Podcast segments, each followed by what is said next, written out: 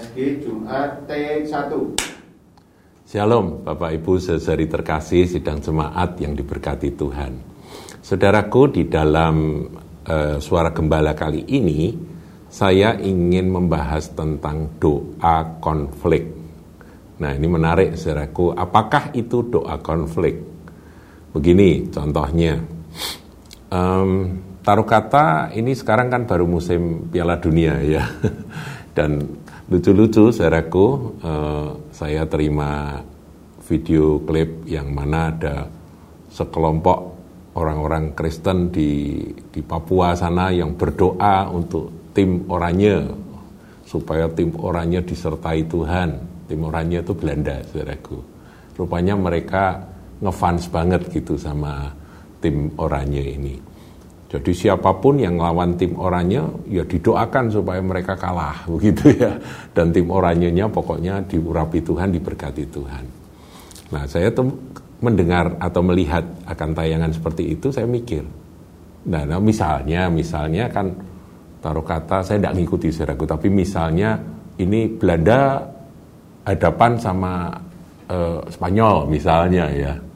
Nah di Spanyol ini juga ada penggemar, juga orang Kristen, juga pendoa-pendoa, saudaraku.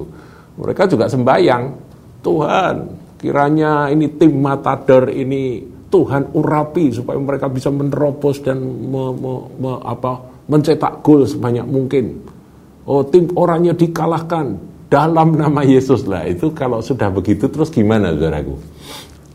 Saya membayangkan Tuhan yang di sorga itu ngelihat ini anak-anaknya nih ya persekutuan doa ini mendukung Spanyol, persekutuan doa ini sungguh-sungguh doanya pakai puasa gitu ya, mendukung Belanda begitu ya. Padahal cuma sepak bola, saudaraku. Itu loh, bola kulit bundar satu dikeroyok sama 22 orang. Eh ya kan konyol sekali kan. Tapi itu terjadi. Dan bukan hanya di dalam uh, musim Piala Dunia ini saja Saudaraku, dalam setiap doa yang kita naikkan, ingat, doa kita bisa menjadi doa konflik. Doa konflik artinya apa? Kita berdoa, ada pihak lain juga berdoa. Kita dalam nama Yesus, mereka juga dalam nama Yesus. Kita berseru pada Bapa Surgawi dalam nama Yesus, mereka juga lakukan hal yang sama. Di sini pakai bahasa roh, di sana juga sama. Terus bagaimana kalau ini terjadi, saudaraku? Ya, ini yang lebih kecil ya, saya kasih contoh. Ada pertandingan basket dari dua sekolah. Yang satu sekolah SMA Kristen A dan yang satunya SMA Kristen yang lain gitu B. Sama-sama Kristen. Nah, anak-anaknya bertanding kan. Nah, di sini mamah dari salah seorang pemain ini adalah pendoa syafaat. Nah, pendoa syafaatnya ini pengen sekali anaknya ini dan timnya menjadi juara. Di sini juga tidak kalah saudaraku. Salah seorang ibu dari pemain itu juga pendoa syafaat dari gereja lain. Bisa jadi dari satu gereja. Terus doanya ini gimana? Saya kadang-kadang berpikir orang Kristen harus lebih dewasa ya dalam menaikkan doa-doa.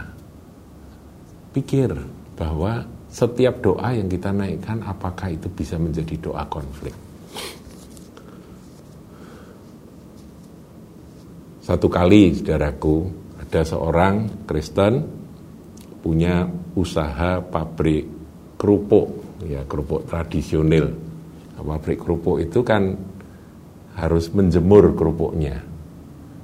Kalau nggak dijemur kan rusak, saudaraku ya nanti uh, apa nggak nggak kering nanti kalau terlalu lama bisa berjamur. Jadi kalau begitu sudah dikukus itu uh, dipotong-potong kemudian harus dijemur dan makin cepat kering makin bagus kualitas dari produknya. Nah, dia berdoa sungguh-sungguh Tuhan biar hari ini meskipun bulan Desember tidak hujan Tuhan supaya ada panas yang terik sehingga kerupukku ini kering begitu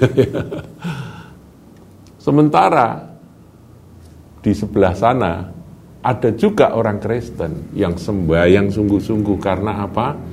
Karena dia punya kebun, kebunnya butuh air. Tuhan biar hujan turun, biar hujan turun supaya tanaman-tanaman eh, sayuranku ini bisa mendapatkan air yang cukup. Terus kalau begini gimana saudaraku? Tuhan apa tidak bingung mendengar anak-anaknya eh, berdoa masing-masing untuk kepentingan diri sendiri. Ya, jadi sampai ada saya membaca sebuah tulisan yang ada berbunyi demikian. Penolakan terhadap doa kita terkadang merupakan pengabulan doa bagi orang lain. Nah, ini juga juga sebuah kebenaran, saudaraku. Tuhan itu maha adil. Kalau soal pertandingan, menurut saya doanya begini aja. Ini ini anu ya ide yang saya boleh sampaikan kepada ya bapak ibu yang punya anak yang bertanding gitu ya entah pertandingan badminton, pertandingan sepak bola, pertandingan basket atau voli atau apa saja didoakan doanya bagaimana? Jangan berdoa tuh Tuhan buat anak-anakku anakku ini dan timnya menang, jangan saudaraku. Ya boleh-boleh saja kalau mau begitu. Tapi sana juga doanya sama loh ya. Dari pihak lawan doanya juga sama. Jadi doanya begini aja.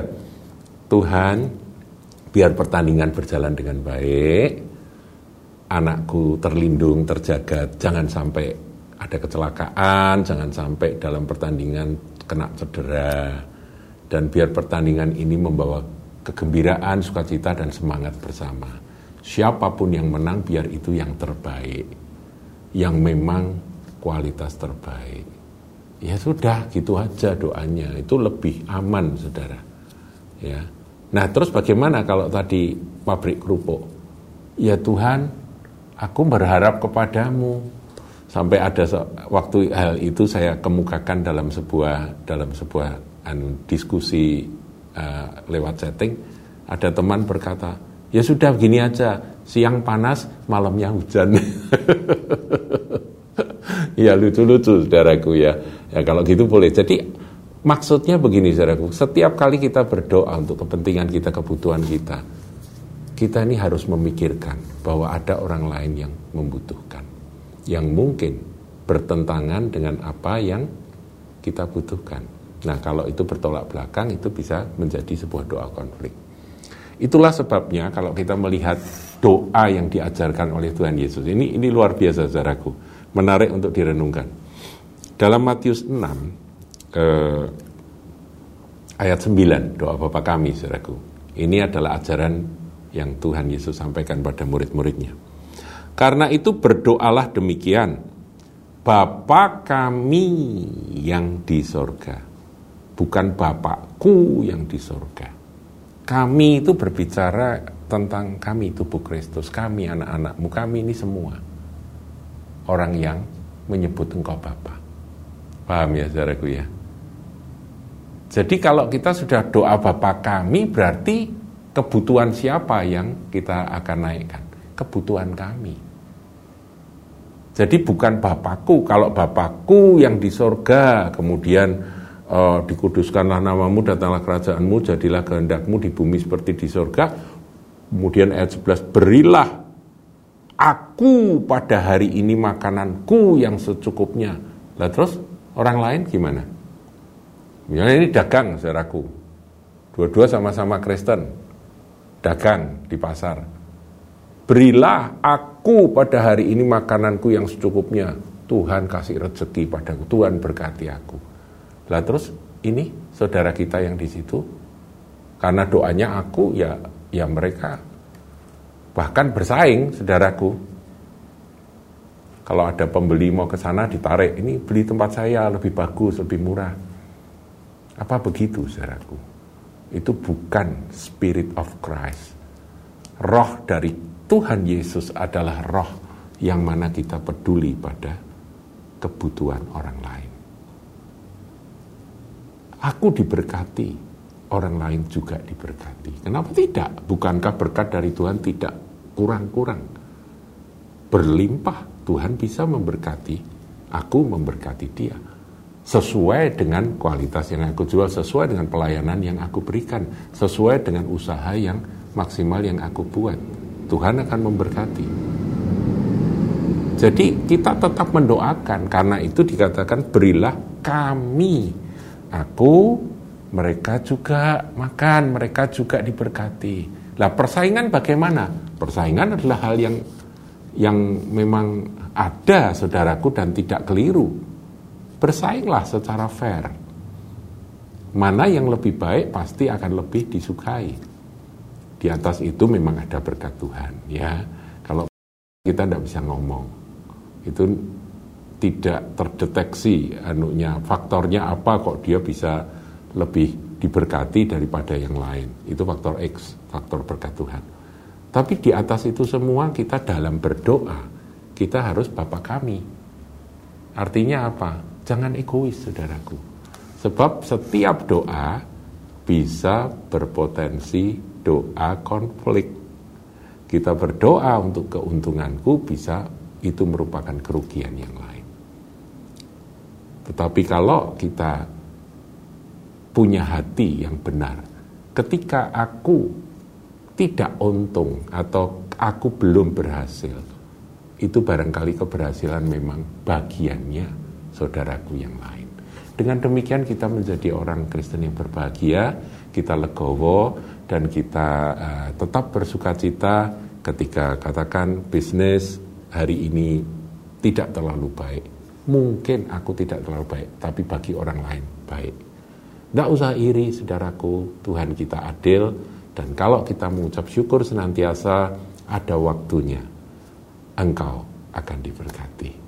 Nggak perlu doa ngotot dengan aku, aku, aku. Tapi marilah kita mendoakan semua. Bapa kami yang di sorga. Tuhan Yesus memberkati.